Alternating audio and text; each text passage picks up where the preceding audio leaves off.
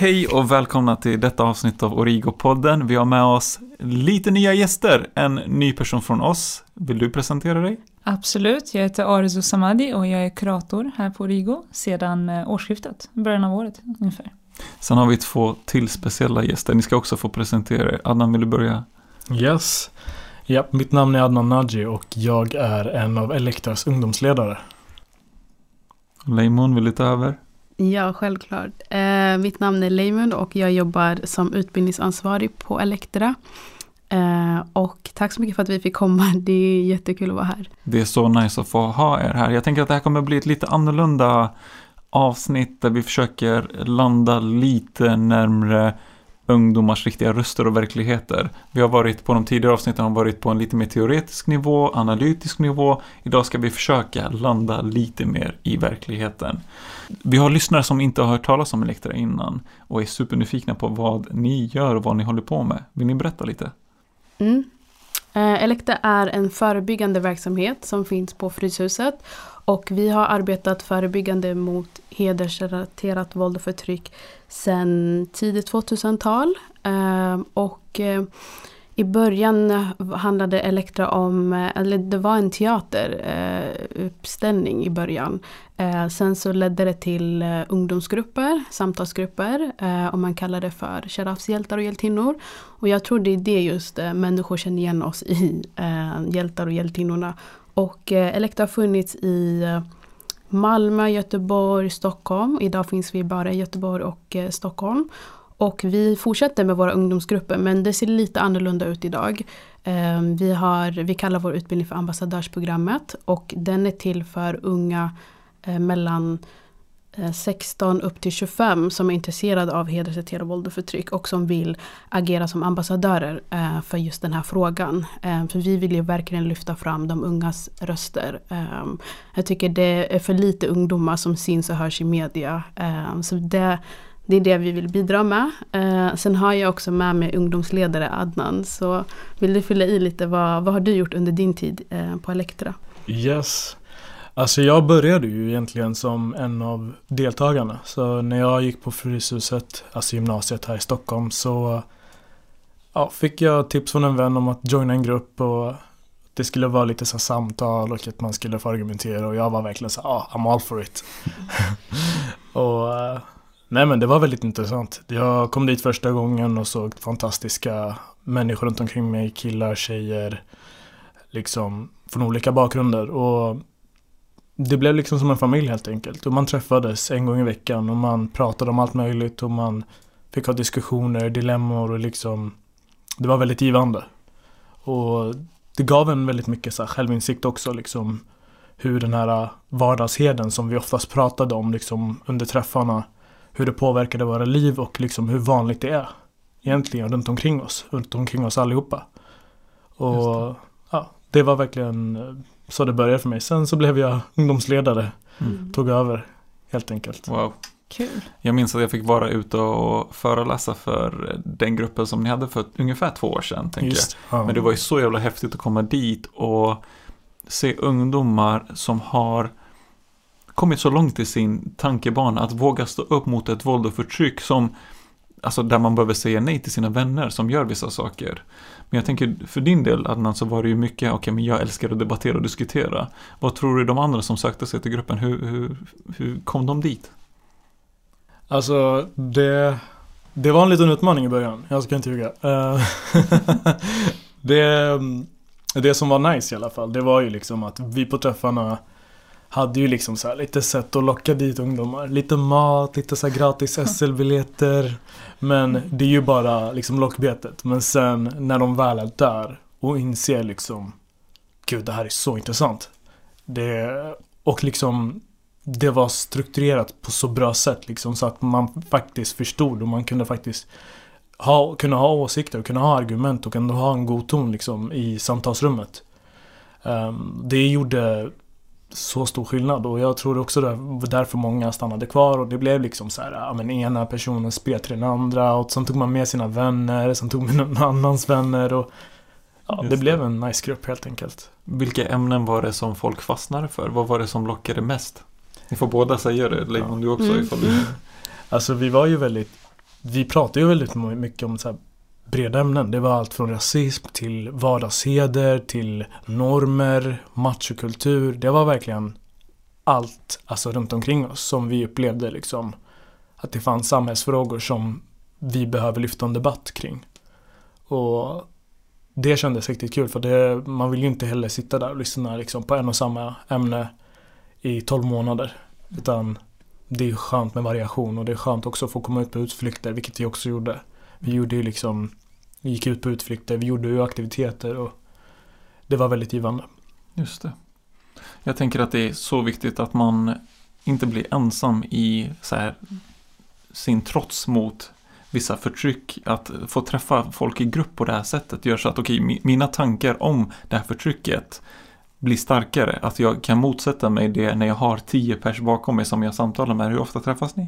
En gång i veckan. En gång i veckan mm. och bara få bygga på min kunskap men också mitt självförtroende att våga, våga stå upp för det, våga diskutera det här mer. Jag och Arus har diskuterat ganska mycket på jobbet är att vilka röster är det som får höras ute i media? Det är ju inte ungdomarna som syns. Vilka är det som syns? Ja, det är ju oftast eh, det här som eh, är liksom politiker och eh, eh, andra offentliga personer som talar om någonting som vi kallar liksom sensationsvåldet. Att det är så mycket kring eh, de här stora fallen som har varit, Fadime och Pela till exempel, att det, man tänker direkt på eh, mord, könsstympning när man tänker på hedersnormer och eh, alltså hedersförtryck. Att det blir så problematiskt för att det är så många som osynliggörs då.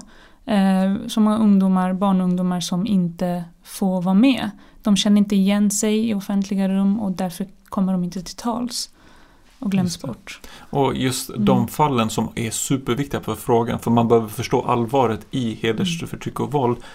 Eh, de är så viktiga för den frågan, men de representerar inte alla som är utsatta för hedersrelaterat våld och förtryck. Adnan, du sa någonting som jag tänker att vi ska prata mer om. Det är att du pratar om vardagsheder. Vad betyder det för någonting? Eh, vardagsheder är ju ett begrepp som vi på Elektra använder ganska mycket och det är just eh, om jag går tillbaka till det du pratade om att så här, unga känner inte igen sig direkt, eller det finns många unga som lever under eh, en form av liksom, hot och våld i hedens namn och de kanske inte känner igen sig i den bilden som media målar upp. För vi hör ju ofta om de här hemska morden och det Fadim och Pela eh, och eh, det är just där vi kände att så här, vi behöver skapa liksom, vi behöver sätta ord på deras känslor. Ehm, och än idag, jag minns vi hade grupp förra veckan och då kommer det ofta upp så samtal och, och, och, frågor om liksom, ja, man kan prata allt om så kläder. Jag vet eh, flera ungdomar som berättar om att deras syskon har åsikter om hur de klär sig och frågar så här, ah, men shit det här påminner mig om förra sommaren. Jag fick aldrig gå, gå ut med så här korta byxor eller linnen så här, eh, och då var det så här, okej okay, men vad var det som hände då? Ja men då var det brorsan som eh, liksom inte tyckte det var okej okay och var rädd att något skulle hända. Och det är sådana saker som vi ofta pratar om. Mm. Och eh, när jag berättar om, så här, förklarar vad hedersrelaterat våld och förtryck är eller vad hedersnormer betyder. Då blir många unga liksom så här, Oh shit, så det där var faktiskt det som hände mig är heder. Okej, okay, det är heder som är bakom det här, de här begränsningarna. De har liksom aldrig förstått riktigt varför de blir begränsade utan tänker liksom att ah, men det här har någonting med föräldrarna eller gruppen att göra. Liksom. Och därför tycker jag det är så viktigt att vi har ett begrepp. Inte för att här, ta bort det allvarliga i de här faktiska morden och, och, i våldet och förtrycket. Men när vi jobbar förebyggande så möter vi oftast den här vardagliga formen av begränsningar. Ehm, och vi sitter och pratar väldigt mycket om just det. Och jag tror att de hittar en stor gemenskap och styrka i att här, träffas i ett tryggt rum utan att vi, för mig spelar det ingen roll liksom, om det är hedersrelaterat våld och förtryck eller om det är eh, könsvåld eller vad man än, hur man än väljer att benämna de här eh, formerna av våld. Utan för oss handlar det om att här, hitta en trygg plats och faktiskt våga prata om de här sakerna. Eh, och ge dem liksom verktyg till att här, uttrycka sig. Just ehm, mm. jag, jag tänker när jag jobbade på skolkurator och vi pratade om heder så var det väldigt många unga som sa nej men vi har inte heder i vår Exakt. familj. För vi har inte hedersmord, vi mördar inte våra Exakt. kvinnor. Så jag tänker att när eh, de här typexemplen på vem som är utsatt för heder kommer fram med hedersmord, könsstympning.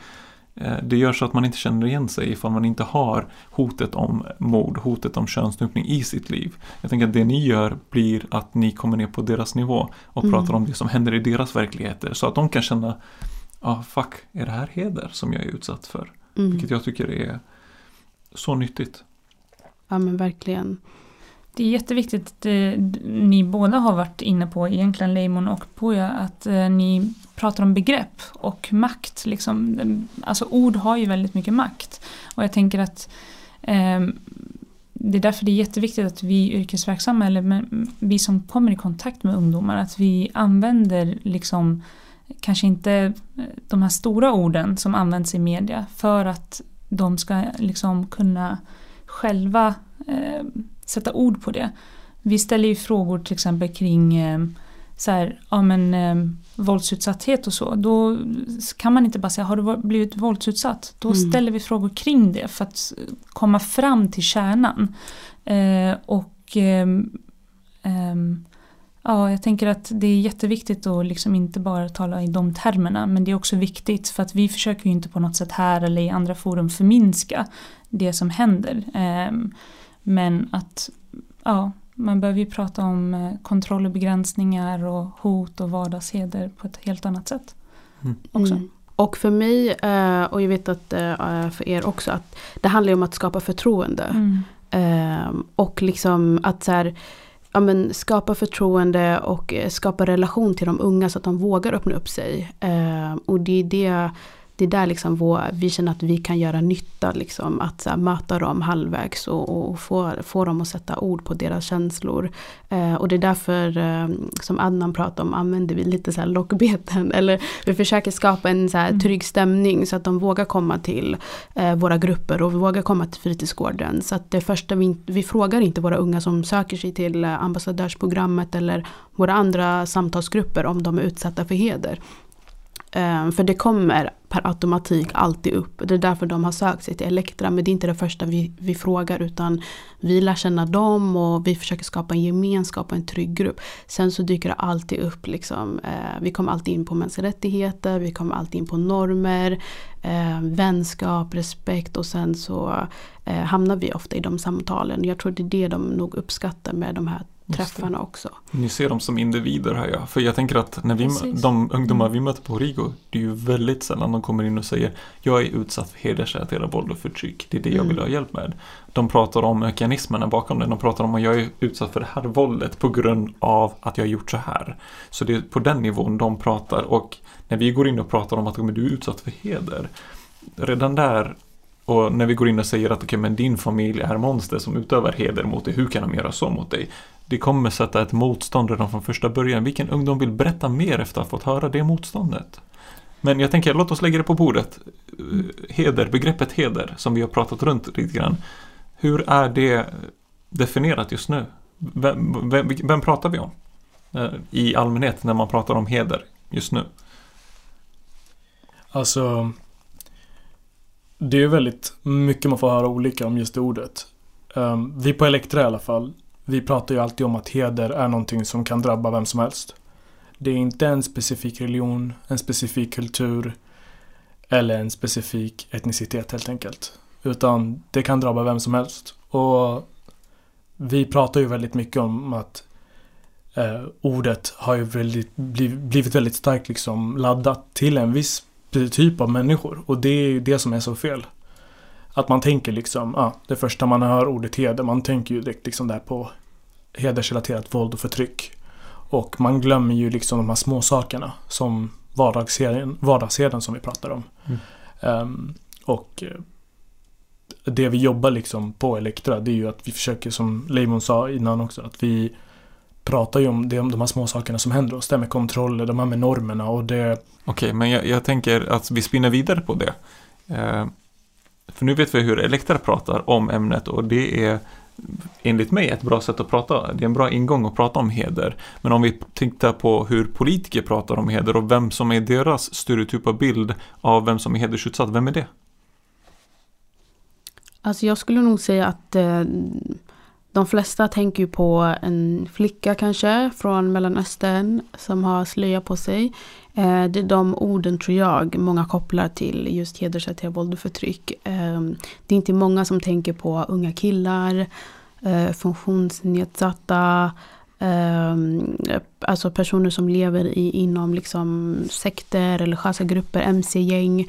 Ehm, så det, vi har ju en väldigt snäv bild av vad hedersvåld kan vara. Mm. Mm. Och anledningen till att vi tar upp det här ämnet också nu tänker jag att det är inte för att säga att den stereotypa bilden är felaktig. Mm. Men det är inte hela bilden. Precis som du säger Limon, det finns människor som, är utsatt, eller som har funktionsvariationer. Det finns killar, det finns kvinnor som är över 65 år som fortfarande är utsatta för hedersrelaterat våld och förtryck. Vem, vem nämner dem? Vem pratar om dem?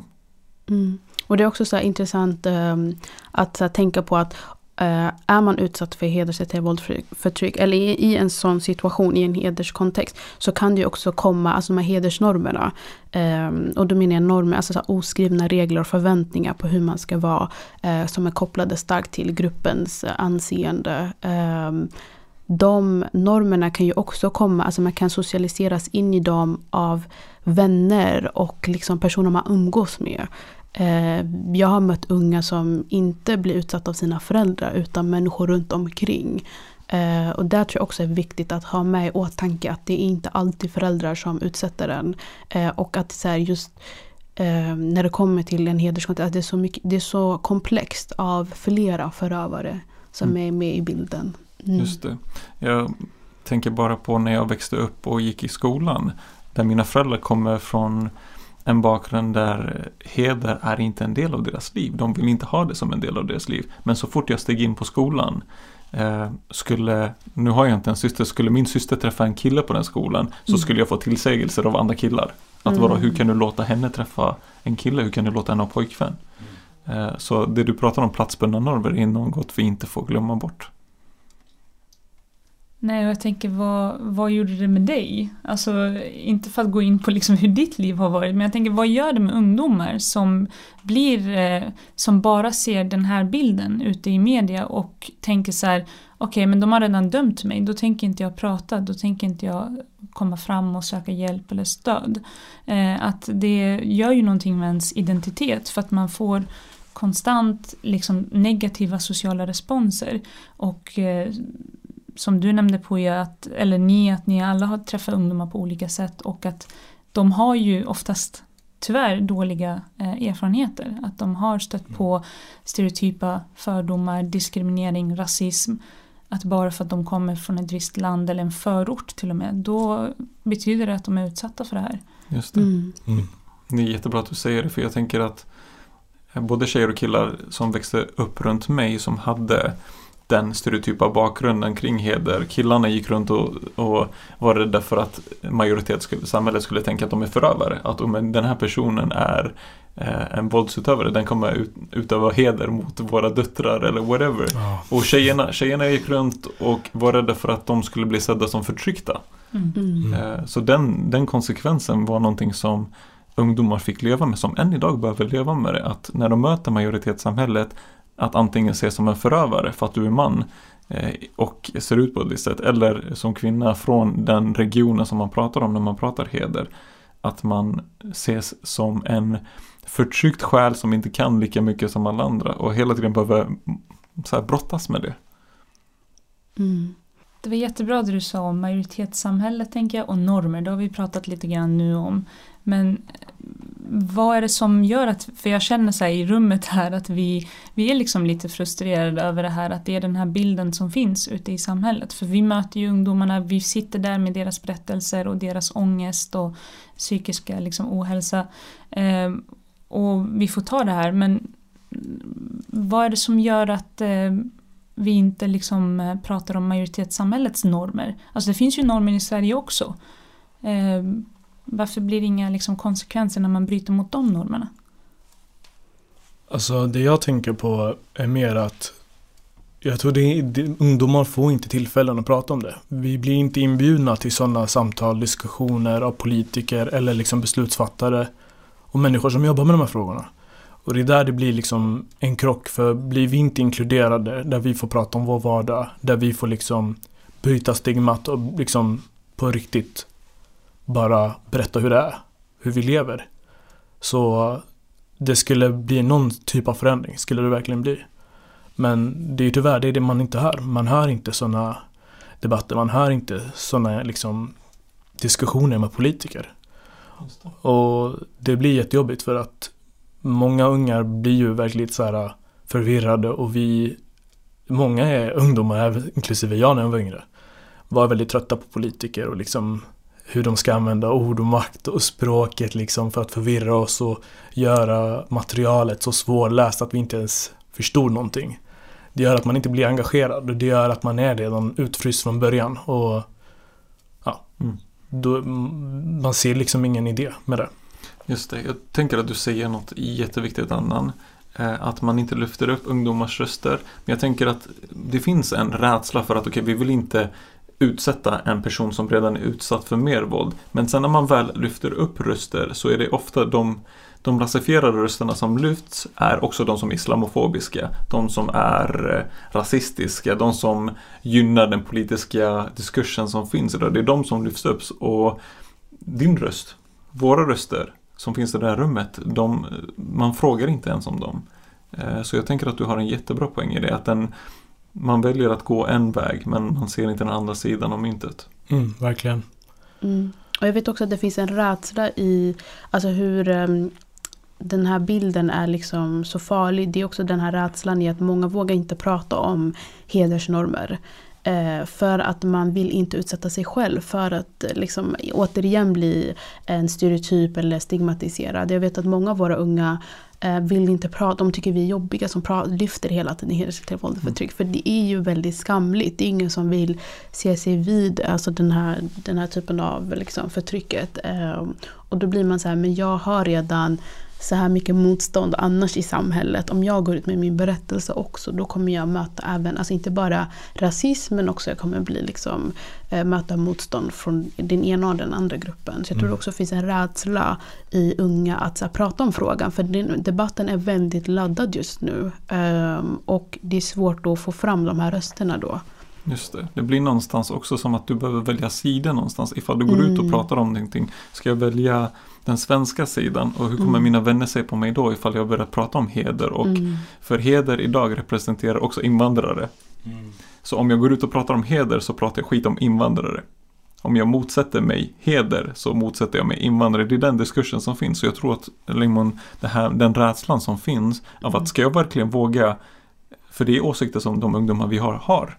De, de gillar inte heder. De gillar inte hedersförtryck, hedersvåld. Men de vågar inte säga emot det för då går man in i någon form av så rasistisk bild av vilka som är hedersutövare. Så du behöver hela tiden välja sida. Ska jag välja sidan av att eh, backa mina eh, rasifierade vänner eller ska jag välja sidan av att motsätta mig heder men låta väldigt rasistisk när jag gör det eller tolka som rasistisk när jag gör det. Mm. Och jag tänker det sjuka, tänker jag, är egentligen att vi möter ju så många ungdomar som är egentligen, alltså de är ju födda och uppväxta i Sverige, de flesta. Mm. Och de är ju svenskar och hur mycket ska de liksom behöva kämpa med det här i sina liksom vardag och liv? Hur länge ska de behöva bevisa att de är svenskar eller att de, de har liksom båda delarna, delarna från sina föräldrars ursprungsländers liksom kultur och saker som man vill ha en del av sin identitet samtidigt som de har det andra. Men det, blir ju, det sker ju motstånd hela tiden om de betraktas som om de är eh, främlingar i det här landet. Mm. Jag tänker verkligen mycket på det för att det är en sak som vi har lyft upp med vår grupp en hel del liksom med tidigare ambassadörer. Och vi pratar väldigt mycket om mellanförskap, att man hamnar där mm. någonstans mitt emellan och man vet inte om man är svensk nog eller om man är liksom rasifierad nog. För det blir en sån stor förvirring för de ungdomarna. Och liksom, jag själv har varit i den sitsen. Det, det är bara så det är. Men det är en utmaning. Man, man riskerar ju att bli utfryst. Det är mycket risker man tar med det, helt enkelt. Men jag brukar tänka liksom att man måste börja någonstans, alltså med en grupp eller med vissa typer av människor. Och, och där kan det vara liksom att motsätta och liksom pusha liksom. Det kan börja med familjen eller de människorna runt omkring dig som försöker liksom säga liksom att de här normerna har du brutit och du måste bara säga emot helt enkelt. Um, jag tror det är där någonstans att det börjar, att man måste börja först med gruppen, man måste börja med sina vänner och säga emot innan man börjar gå ut med det i media. Och det är liksom ja, klyschigt att säga liksom men Ehm, det är så det är egentligen för att man själv ska inse att det blir en förändring och jag tror när man väl har kommit dit då kommer också flera liksom våga och prata mer om det också mer offentligt i det offentliga rummet.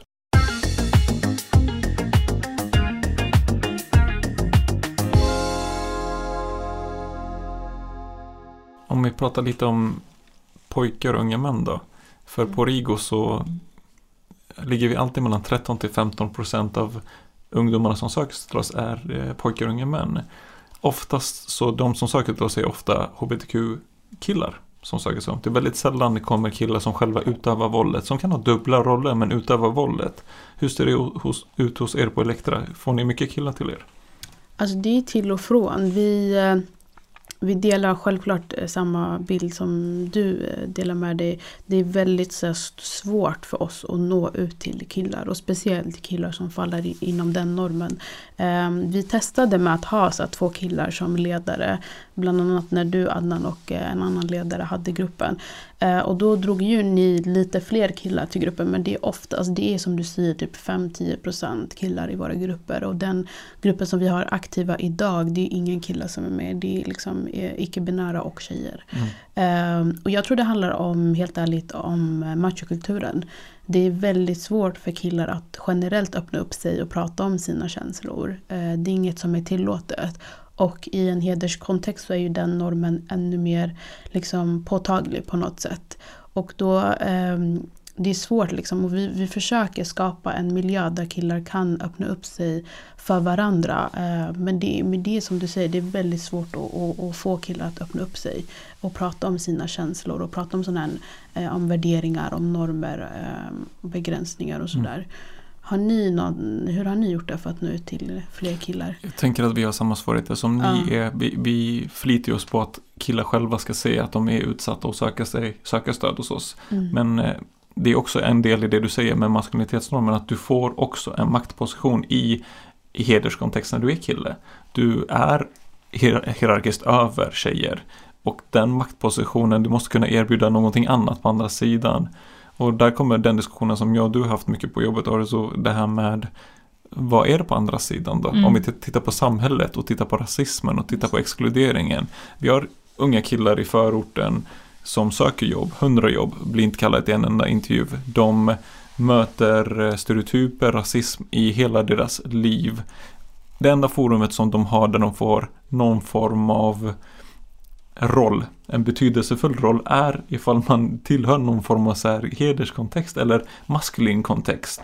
Så vad ger vi dem för förutsättningar att bryta med de mönstren och söka stöd eller söka sig utanför det där när samhället inte tillåter det in? Jättebra och det, det gör ju också så att det inte går att bryta. Att det här upprätthålls och liksom stärks och blir kvar. Alltså om vi vill bli av med det här, eller vad man ska säga, i mm. samhället. Så handlar det ju inte om att um, skylla på en viss grupp eller skylla på invandrare och ha en ny migrationspolitik eller någonting. Utan vi behöver ju låta dem komma in i samhället ha liksom forum där de eh, är tillåtna att ha mobilitet och röra sig kring liksom och känna sig välkomna och hörda. Um, men det finns ju inte så många sådana platser idag i alla fall. Mm. Ett sätt för oss att eh, få in fler killar, vi brukar så här, låta uh, dem träffas, eh, bara skapa så en, en mötesplats och sen eh, pratar vi inte, det första vi gör är inte att prata om heder eller så normer eller någonting sånt. Utan bara låta dem träffas och, och skapa en gemenskap i gruppen. Eh, vi har också märkt att i andra forum när vi pratar om jämställdhet eh, Ehm, så landar det inte heller helt eh, där hos killarna utan vi försöker prata mer om, om, om dem själva. Liksom Eh, hur känns det för dig att göra det här? Eller vad har du för drömmar? Prata om förebilder, positiva manliga förebilder, komma in lite på manlighet eh, och så vidare. Och då öppnar de upp sig och får förtroende till just de personerna eh, i rummet. Eh, jag känner att det är där tror jag vi behöver jobba lite mer med killarna. Att så här, eh, skapa en plats där de får faktiskt vara sig själva och prata om annat. Eh, för det är ju väldigt jag upplever att eh, killar och unga personer när man pratar om just normer och hur tjejer har det, orättvisor och sådär. De känner väldigt så mycket skuld och, och skam. Um, och då har vi försökt att prata om andra saker för att få, få dem att liksom öppna upp sig och, och, bygga en relation till oss. För att sedan prata, okej okay, men varför, varför, har du inte gråtit på typ så här många månader eller år? Eller varför är det inte okej okay att börja gråta? Eller så här, prata om känslor framför sina vänner. Och då kommer vi ofta in på de här grejerna. Um, så det är väldigt så här, jag tror man behöver hålla det på en väldigt låg tröskel när det mm. kommer till uh, killar generellt. Vad tänker du Adnan? Jo men det är ju verkligen det. För jag minns ju verkligen också när jag och Samir som också var ungdomsledare med mig förut. Att vi, när vi hade killarna för sig, att vi hade dem liksom, vi brukade separera dem. Så tjejer för sig, killar för sig. Och då brukar vi oftast ha så här diskussioner kring kärlek, relationer, känslor. Och det är mycket enklare också när de sitter i en liten grupp med bara killar och där de liksom får det presenterat framför sig. Liksom. Här har vi ett sånt här klimat, här kan vi prata om vad som helst. Och det är det som är skönt. Alltså, I början mm. brukar du oftast prata typ så här, ja, men, matcher, fotboll, vad, alltså, vad som helst. Liksom. Våra intressen. Och sen så byggdes det på bara. Liksom så här, genom små övningar. Och man märker verkligen en stor skillnad att typ så här killar man aldrig kunnat tro ehm, um, har sådana där liksom värderingar som egentligen är kloka och förståeliga. Uh, det dyker upp liksom. Så fort de får chansen. Så fort de får möjligheten och så fort de känner sig trygga i det rummet. Och det har varit väldigt fint att se verkligen. Med just de killarna vi haft på gruppen. Mm. Och du, jag vet att jag och du pratade en gång om förebilder. Att eh, det är oftast så kvinnor som söker sig till eh, de här jobben och det är oftast kvinnor man möter när man, är, alltså så här, när man ska träffa en kurator i skolan. Och eh, även då så saknar man representation, alltså även så här, ja, men hur man ser ut och så vidare. Och jag vet att du nämnde för mig också att så här, det är svårt som kille att gå och prata med en kvinnlig kurator i skolan om sådana här saker. Och sen också när den eh, personen inte är liksom, men har samma eh, liksom, bakgrund som dig eller kanske inte kommer från förorten. Hur ska man prata om de här frågorna med den personen? Eh, så det är också jätteviktigt med att skapa, alltså skapa plats för representation men också de här förebilderna så att man vågar eh, connecta och öppna upp sig till eh, vi vuxna som jobbar med de här frågorna. Mm. Mm, absolut. Verkligen. Nej, jag tänkte en hel del på det också. Och vi, jag kommer ihåg också en speciell diskussion gällande där med typ så här, kuratorer på skolor. Hur kommer det sig liksom att vi inte har kuratorer som representerar oss? Alltså kan vara en Mellanöstern man helt enkelt. Som faktiskt visar sig mer tillgänglig i skolan. Att gå runt och försöka skapa dialoger med alltså ungdomarna i skolan helt enkelt. För det är någonting som jag upplever att jag aldrig fick. Vi hade en kurator som satt i sitt rum och hade liksom drop-in. Och det är inte heller så himla Mellan givande. 11 och 2 eller något. Ja precis, en gång i veckan. Det, det funkar inte så. Nej. Vi kommer inte komma någonstans. Och där tänker jag verkligen så här, skolan är så fantastisk liksom plats, plats att kunna ta tag i det. Uh, om inte kurator, alltså lärare, någonting. Alltså, för alla har ju ett ansvar i samhället och jag tycker verkligen skolan är en plats där det kan faktiskt gro och börja någonstans. Mm. Absolut. Och där handlar det ju också om resurser tänker jag. Att det är mm. jätteviktigt att verkligen förstå att skolan är en otroligt bra plattform för förebyggande arbete också. Och därför behöver man lägga mer resurser på att ha kuratorer som kanske kan vara heltid och ha öppet mellan 8 och 15 istället för eh, och liksom finnas där när ungdomar mår dåligt och behöver prata. Och såklart liksom mångfald, att det inte mm. bara är en viss typ av personer. Just det. Mm. Jag tänker att det ni har varit inne på också med maskulinitetsnormer, hur viktig den är, är och förebilder. Vi behöver ju ha förebilder som vågar bryta mot machonormen framför oss. Mm. Framför oss killar, våga bryta mot eh, hederskontexten framför oss så att vi kan se att okej, okay, men den här personen gjorde det, den jag kan känna igen mig i den här personen och därför kanske jag också kan göra så här. Men de förebilderna finns inte så jättemycket nu. Eller de syns inte, förlåt, jag ska rätta mig själv. De finns, men de syns inte.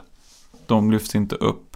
Och sen så tänker jag det här med du, det du säger Ariso också med våldsförebyggande arbete som just nu är en grej. Man börjar dra igång det och vi på Rigo förespråkar också det som du har varit inne på Limon.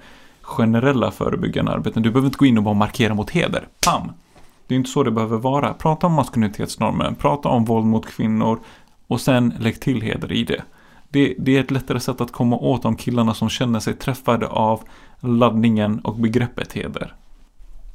Jättebra och det är ju exakt det jag tycker att vi verkligen försöker förmedla i våra utbildningar eller när vi kommer i kontakt med yrkesverksamma. För att ibland kan jag känna att vissa kanske vill ha, på grund av sin osäkerhet och okunskap, vilket är fullt förståeligt, att de vill ha liksom en IKEA instruktioner. Så här, igen det där. Hur gör jag? Ja, hur går jag tillväga? En lista eller en manual vill man ha på. Vem är utsatt Precis. och hur gör jag? Vilka är de här hedersutsatta? Liksom. Men mm. det är precis som du säger Poja, att det, det handlar ju om att förstå mekanismerna mm. och att det är våld. I slutändan är det våld.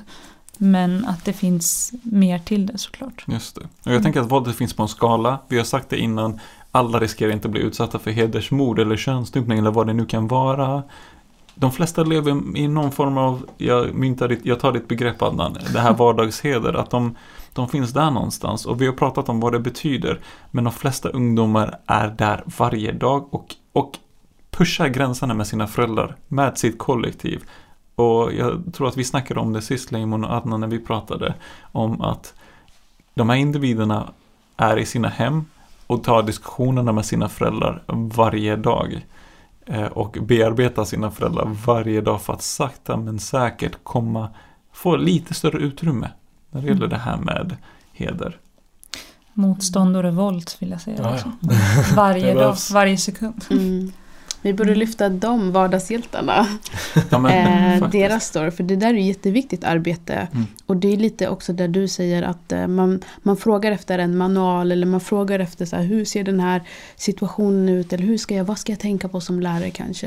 Eh, men det, det finns de här vardagshjältarna som varje dag pushar gränsen sakta men säkert och utmanar eh, de här normerna. För vi alla lever ju i någon form av normer. Eh, hur man ska vara, hur man ska bete sig. Och det är inte jättekonstigt att kanske mina föräldrar har en annan uppfattning om hur livet ska vara, liksom, eller hur man ska uppfostra några, till skillnad från mig. Um, och det är inte jätteovanligt heller. Och där tycker jag att det är så starkt att unga idag vågar stå upp mot mm. uh, de här begränsade normerna, om mm. det är mm. hedersrelaterat våld och förtryck, eller om det är rasism, uh, de är, eller om det är feminism. De är väldigt vocal och, uh, mm. och står upp. och det tycker jag är, alltså jag beundrar dem väldigt mycket. Mm. Ehm, så där tycker jag att vi ska bli bättre på att lyfta deras berättelser. Absolut. Mm. Det, det tänker jag att vi kan säga klart och tydligt. Här, det här avsnittet är till för er vardagshjältar och allt jobb ni gör i vardagen. För på riktigt, det är ni som gör skillnad. Det är inte vi yrkesverksamma som jobbar i frågan som gör skillnaden. Det är ni som varje dag jobbar med era föräldrar, med era kusiner, med era, hela släkten.